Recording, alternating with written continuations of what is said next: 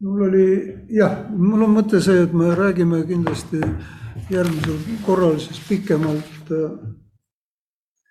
pikemalt sellisest asjast nagu projekt.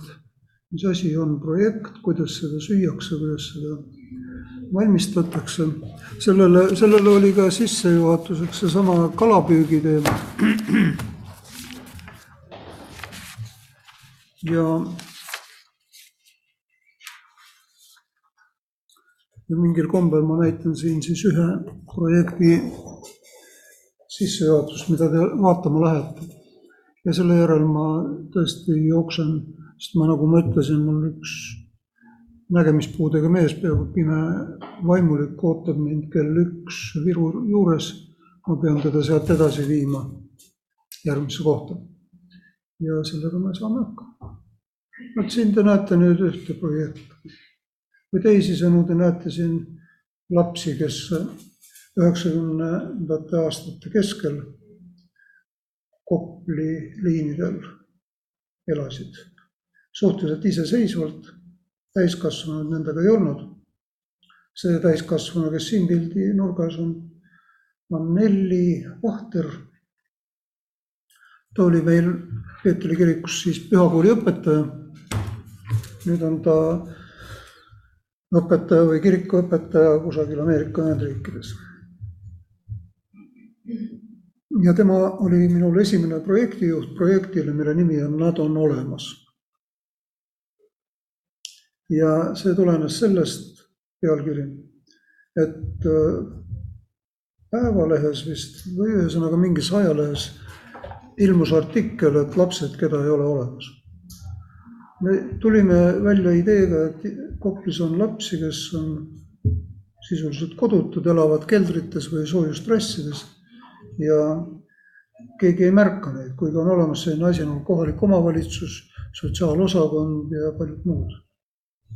ja ei ole midagi teha, tuleb tunnistada, et ametnikud vastasid, et see ei vasta tõele.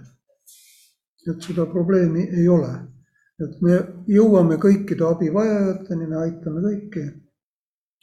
aga meie leidsime sellise kamba. selles kambas olid siis sellised üheksa kuni kuueteistaastased lapsed. ja nad elasid iseseisvalt ja neid oli, mäleta enam täpselt, aga kümmekond. sellest aru, kus kodus üldse ei olnud vanemaid üksi? No ma võin teha väikese poliitajaloolise ekskursiooni. üheksakümnendate aastate keskel, esimesel poolel võeti vastu üks, algatati uus riiklik programm nende mitte Eesti kodanike osas, kes tahtsid tagasi pöörduda oma etnilisele kodumaale. noh, valdavalt Venemaa, Ukraina, Valgevene aga samuti ka Georgia ja Armeenia ja muud ka. aga no valdav osa selge, et Venemaa. ja selle programmi raames maksti sellele, kes kirjutas taotluse ja avalduse, et ta nii-öelda repatrieerub, eh, maksti mingisugune summa raha, mille eest ta sai siis teoreetiliselt alustada uut elu sealmaal noh, miks seda tehti, see oli vajalik ka julgeolekupoliitiliselt, väga palju oli Nõukogude sõjaväest siia maha jäänud inimesi, väga palju oli julgeolekuasutustega koostööd teinud inimesi. ehk siis ilmselt see oli see põhimõte, aga no mingil määral ikkagi heategevus ka. et mitte ei aetud välja, nagu meiega tehti neljakümnendatel vangidega, vaid maksti peale, et kui sa ära lähed. ja mis toimus? perepead said raha kätte ja osa sõitsid ära ja jätsid lapsed ja naised siia. kahjuks vastab see tõele. mul ei ole numbreid ja ma ei mäleta enam nii täpselt, aga sel ajal mul olid kõik numbrid, rahanumbrid ja inimeste numbrid. aga, ja teine osa võtsid raha välja, ei sõitnud mitte kuhugi. pidasid pidu nädal aega selle raha eest. ja jäid siia. nii et nii, niimoodi tekkis ebaseaduslikult Eestis olevate inimeste hulk. Nende meeste näol, kes võtsid raha välja, nad olid juba lahkunud. Reforma, vormiliselt. aga nad jäid tegelikult siia, aga neile ei laienenud enam.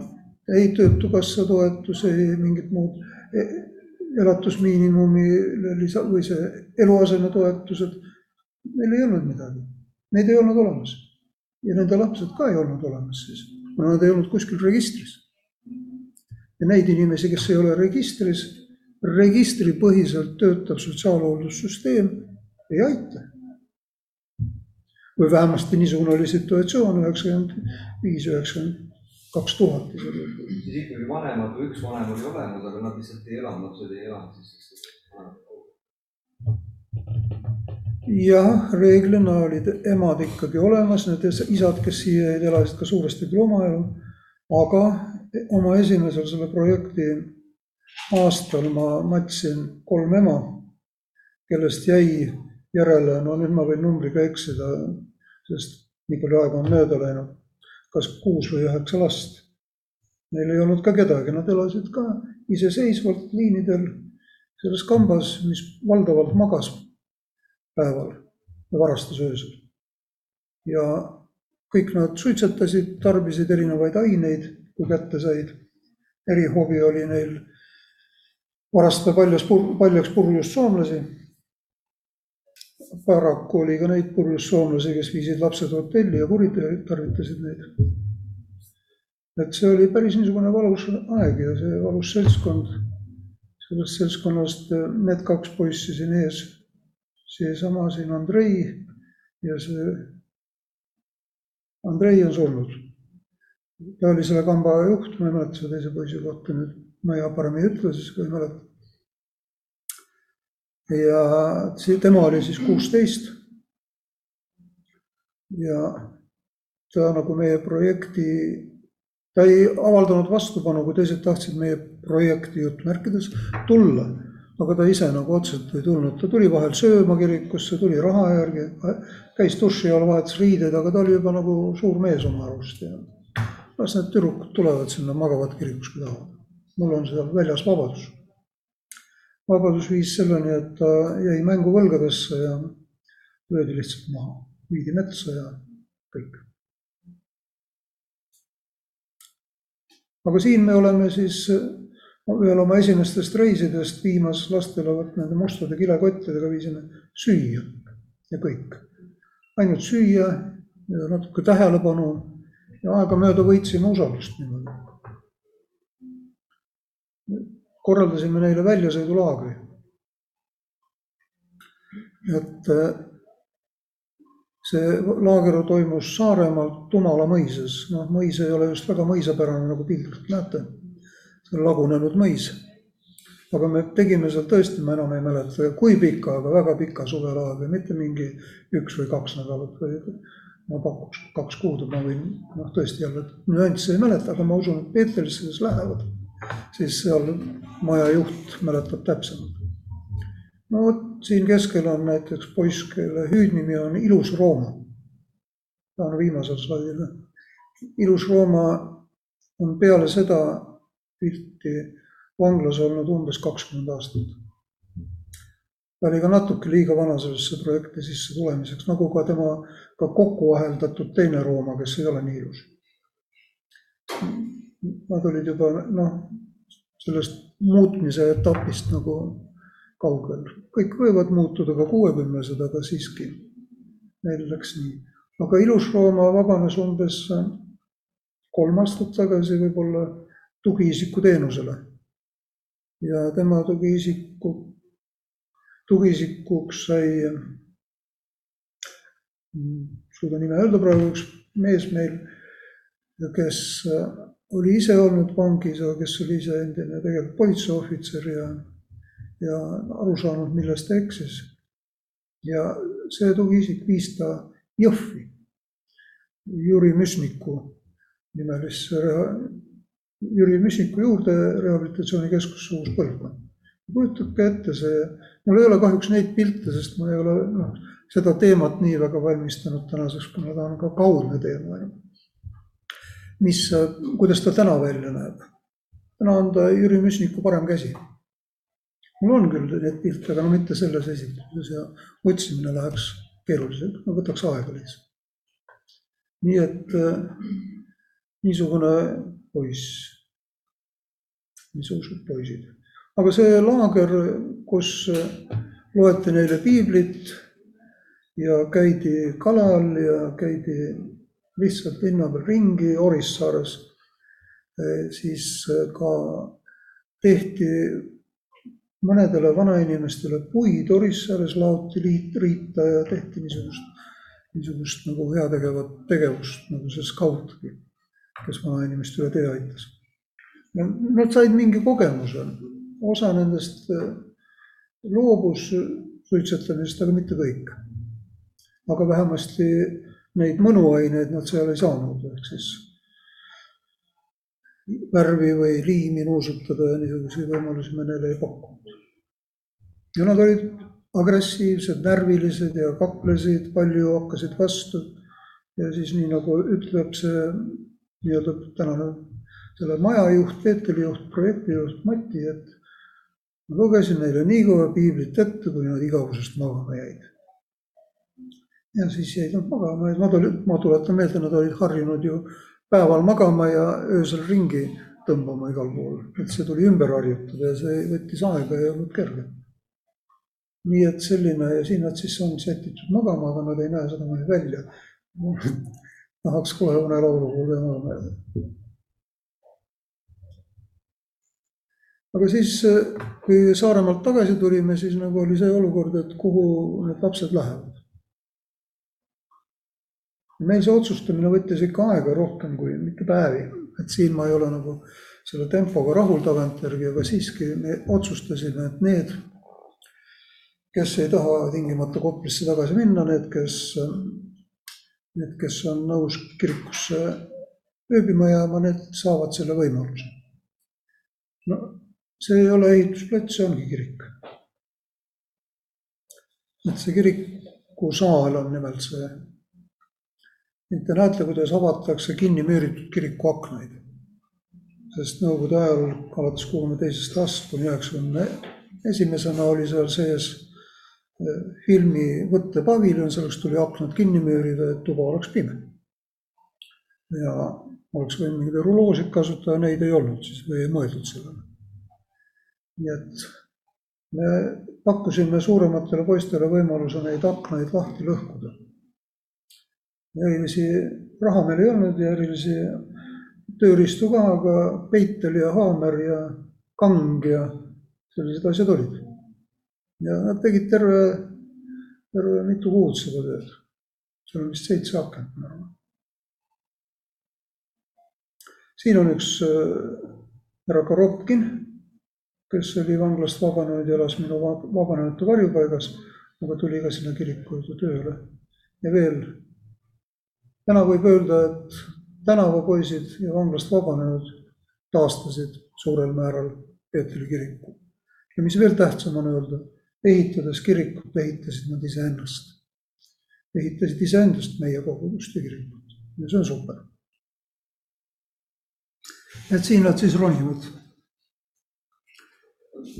siis äh, siin on siis need, kes meile sisse kolisid, lapsukesed nagu näete, nad ei ole eriti täiskasvanud. aga nad kõik olid iseseisva elu peal nendes lagunenud ja poollagunenud koplimajades. see tüdruk siin on ilus tüdruk, Anja, õnnestus ära päästa enne, kui ta oleks ära rikutud ja ta muuseas abiellus metodisti kirikus poisiga ja läks päästearmeesse ja nad läks, elavad täna Norras ma ei mäleta poisi nime, kusagil on, ma näitan, et need, kes Peetrisse lähevad, näevad neid laulatuse pilte, ma arvan. See on Sveta. Sveta oli üheksa aastane ja ta oli natukene põrutatud, sest tema, nad elasid selle tänaval ühiselamus oma perega, enne kui ta Koplasse liinidele kolis. ja ema järjekordne mees tõi koju ja peitis ära ühe plahvatava eseme, et mitte öelda pommi. peitis selle igaks juhuks vetavoodi alla. No turvaline koht, keegi ei märka, sotsiaaltöötaja tuleb sisse või politseinik tuleb sisse, ei märka. kahjuks see plahvatas. oli see kuulus plahvatus Kopli või selle, selle tänaval lehtedes ka kirjutati sellest. Sveta ja tema õde Irina, ma ei tea, kas, kas, kas Irina on siin see või ei ole, kolisid igatahes siis Kopli liinidele, kus nad arvasid, et on turvalisem kui kodus. Ja liitusid selle kambaga. aga siis nad olid ka esimesed, kes olid nõus jääma kirikusse elama. ja siis me hakkasime juba kruvisid kinni keerama et algul selle remondi ajal, mis me tegime, võis igaüks kirikus magada ja kui ta ära käis, tegi, mis ta tahtis, aga nüüd ma ütlesin, see, kes jääb kirikusse elama, peab ühe tingimuse täitma. ta peab hakkama käima koolis.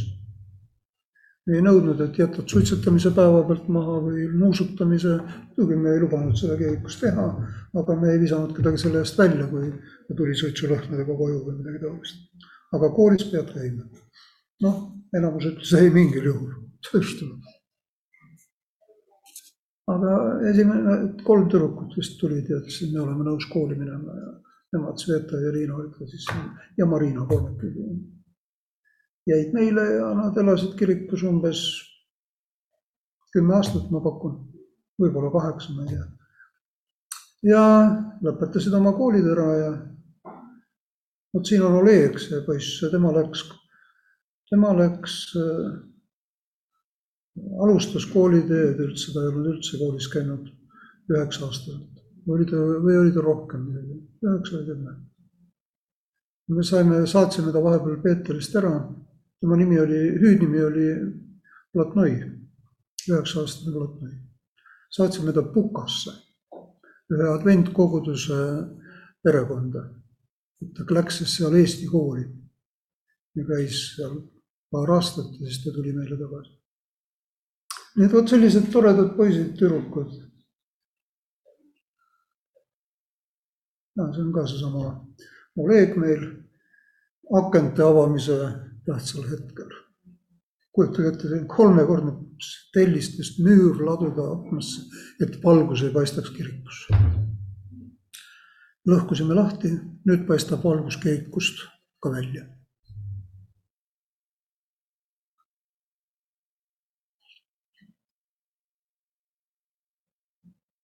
mõnevõrra noorem, aga ikka sama mees.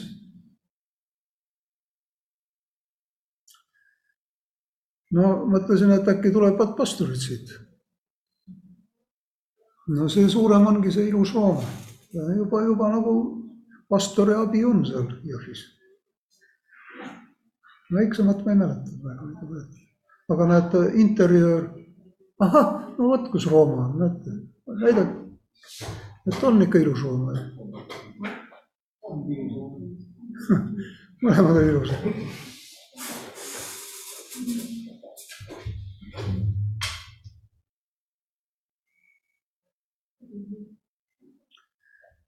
Nii et jah. Teil ei olnud siis mingit dokumenti pidite ikkagi dokumenti jah.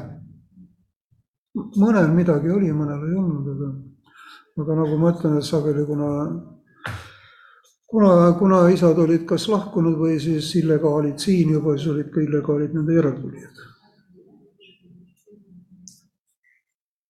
kohalik omavalitsus süüdistas meid, et kui nagu, kui nagu oli juba selge, et me ei saa öelda, et neid lapsi pole olemas, siis hakati ütlema seda, et kirik meelitab lapsi kirikusse, tahavad neid vägisi ristida, ei tea, mida veel teha. noh, sellised jutud ja lubati politseiga meie tegevus lõpetada. no sellel hetkel andis taevaisa meile ühe imelise võimaluse, et meid külastasid ühed Taani lastekaitseorganisatsiooni inimesed, kellele jättis vapustava mulje see, mida me teeme. ja me tegime nendega, nüüd tuleb see kuulus sõna, millest me ka homme räägime, projekt. me tegime ühisprojekti. ja ühisprojektis on regulaarsed koosolekud kavandatud ja me hakkasime neid koosolekuid pidama Taani saatkonna territooriumil ehk siis Eesti mõttes välismaal. aga me kutsusime sinna Põhja-Tallinna linnaosa sotsiaaltöötaja, lastekaitsja, politseiniku ja see töötas. aasta pärast ei rääkinud neist keegi, et me tahame lapsi vägisi ära varastada või ei tea mida nendega teha, nad said aru. ja see avardas tohutult silmaringi, sellepärast ma arvan, et teil ka kulub ära ja minul ka kulub ära käia kohtadel, vaadata asju, küsida inimeste käest, saada aru teistmoodi, kui noh, muidu saaks. Nii et jah, selline projekt päästis meie projekti ja me saime kiriku üles ehitada. siin on ka nagu siis mingisugune suur saavutus, need ilmselt seina seest välja murtud kivid. kirikupingid me lükkasime siis, kui töö lõppes nädala sees, siis lükkasime nad tagasi laiali, nii et sai sinna istuda, panime mingid riided peale, sest nad olid tolmu täis. pidasime jälle jumalateenistust. See taga siin on altari koht. no see läheb nüüd kõrvale teemast, aga ma ütlen, see altar on ka väga märgiline, see on tavaline laud, aga see on see laud, millel Johannes Paulus Tallinnas käies ehk, ehk siis paavst pühitses armulauda Raekoja platsil. mingisugused aktiivsed poisid tassisid selle laua pärast ära, katoliiklastel polnud seda vaja, siis me võtsime selle omale. et meil ka väike reliik. isa Philipp käis seda pärast hiilimas kuskil kahe tuhande kolmandal aastal võib-olla ütles, et kas me võiksime selle laua ära osta. mõtlesin, et tule saja aasta pärast uuesti. võib-olla siis räägime. ei ole veel tulnud. vaatame. Ja laud on siiamaani seal alles. no need on nüüd need aknad, mis said avatud. eks see kinni müüritud sein näeb teistmoodi välja ma arvan, et see oli kaheksakümmend või vabandust, üheksakümmend kaheksa aasta või üheksa. No ja selle tüdruku ma leidsin hoopis Saaremaalt ja saatsin ta kuhugi. mis koolid need on, kodumajanduskooli Lõuna-Eestisse. tegi selliseid asju, nagu see kass siin on. see on siin kõrvaline siin on siis jälle see meie kirikus olev päevakeskus, kirikus oli õpetaja korter, õpetaja korterisse rajasime algul päevakeskuse, pärast siis ööpäevaringse lastehoiu. ja esimeseks laste, lastehoiu juhatajaks või lastekodu juhatajaks tuli eh, lehekuulutuse peale üks daam, keda ma ei olnud kunagi varem näinud, Inge Ojala, kes on sellest raamatu kirjutanud, mis seal läbi oma silmade, kuidas tema nägi seda. selle raamatu pealkiri oli Andesta, ma kasvasin tänaval. et see ei ole tõene ülevaade sellest, mis kõik toimus, aga laste lood on suurepäraselt välja toodud.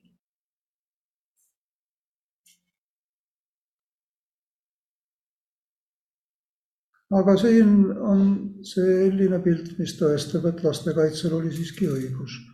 siin oleme me järjekordselt Saaremaal, see on Pöide kirik muuseas peame ööteenistust ja selle käigus ristiti siis mingid tosin või neliteist last. aga vabatahtlikult.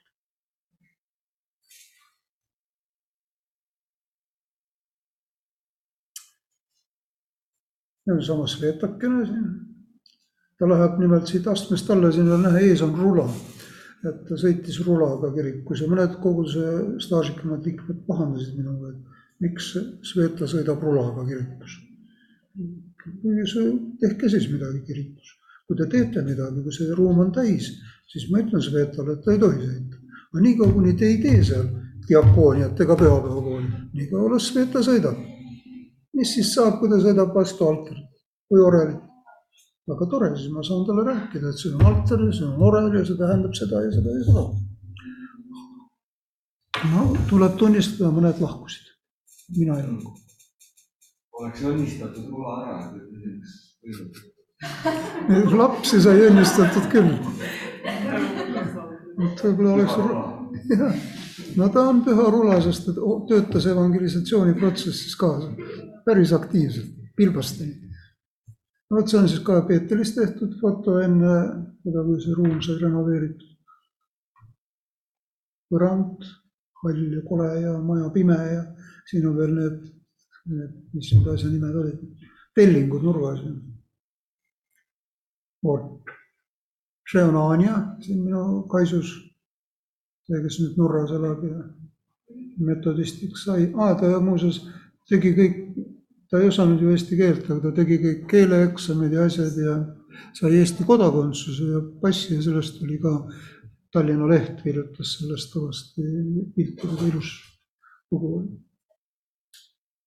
no siin on selleni veel mitmeid aastaid aega. siin on siis teise korruse brigaad aknaid avamas. ka see Pöide kiriku mälestus. on see Oleg, see on Irina. üks Norra mees. siin on ilmselt siin hinge. siin on ehitustööd näete, et need lapsed, kes lõhkusid, laamendasid, varastasid ja oleksid, olid ohtlikud iseendile ja teistele, rakendasid oma energia siin kiriku ehitamisele, iseenda ehitamisele. et see on nagu minu elust väga ilus ajajärk, keegi ei arva, ma arvan, et see oli väga kerge ajajärk, aga see oli õnnelik ajajärk. kõige orjapidamises süüdistatud laste ekspluateerimises. laste ekspluateerimises süüdistati ja laste šmuugeldamises ja mahamüümises soovijatele on süüdistatud. Vot sellised lood siis.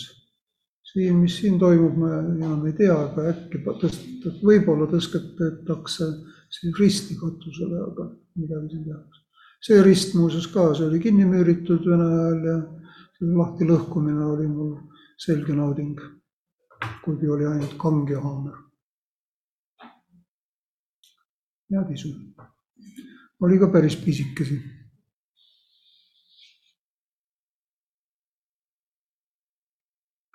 Noh, siin on Sveta ja minu abikaasaga, kes oli siis seal, seal kiriku sokli korrusel avasime päevakeskuse, et osa lapsi elas kirikus ja osa lapsi käis kirikus. tema siis juhatas seda päevakeskuse poolt ma ei mäleta, kui kaua, kümmekond aastat.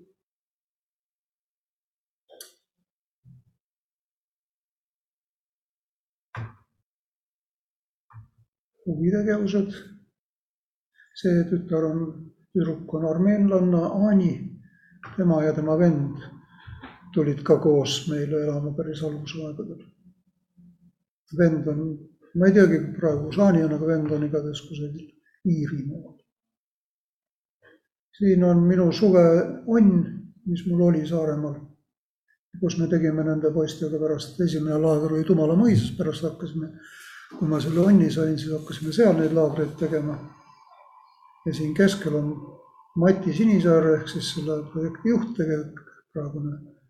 ja siin tema kõrval on minu väike poeg, keda te nägite eelmisel kalapüügi avaslaidil ehk siis väike poiss, kes lihtsate vahenditega hakkas peale ja suutis saavutada niimoodi. ja siin on juba suuremaks kasvanud meie Peetri seltskond, suuremad poisid ja tehakse neile palju matku, küll ratastega, küll kanuudega, süstadega, ellujäämisega, talvel metsas isegi kõiksugu asju, rabamatku ja käiakse merel. no tõsi küll, see laev ei sõida. see laev ei sõida, aga siin on jälle ilus Rooma, kes siis kipub tüdrukuid näppima. Tüdrukud on kasvatajad. aga kõik jäid ellu. vot sellised lood. no täna on äh, millegipärast äh, otsustatud, et et täna on otsustatud, et äh, täna on kakskümmend viis aastat Peetelit ja arvutamine võib-olla päris täpne ei ole, aga igatahes täna peetakse seda vist päeva, kui kõik endised kasvandikud on palutud valgusele ja sellele järgnevale ühisele õhtusöögile. kui ma nüüd selle pimeda mehe aitan sinna, kuhu ta jõudma peab, siis ma lähengi Peeterisse ja ma olen seal kolmest kuueni umbes. kui palju nendest on kristlased? vaata, mina isegi ei pea seda statistikat. et see oleks muidugi kena töövõitude päevikut pidada, aga ma ei ole seda teinud. ma lihtsalt tean, et kes, muuseas Peeteri koguduse liikmeid nendest peaaegu et ei ole. aga, aga metokaid on nende hulgas küll. ja, ja võib-olla ka muid vabakoguduse liikmeid, Jaan Helipühis on kindlasti ka mõned poisid. nii et selline lugu. aga meil on hea meel olla kasvulavaks kõikidele meie kirikutele ja kogudustele siin nii et aitäh, kui te lubate, siis ma nüüd jooksen ära, ma jään võib-olla viis minutit hiljaks.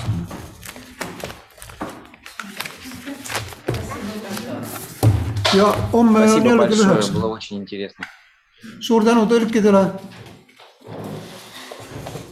olete vapustavad. mina ei oleks hakkama saanud sellega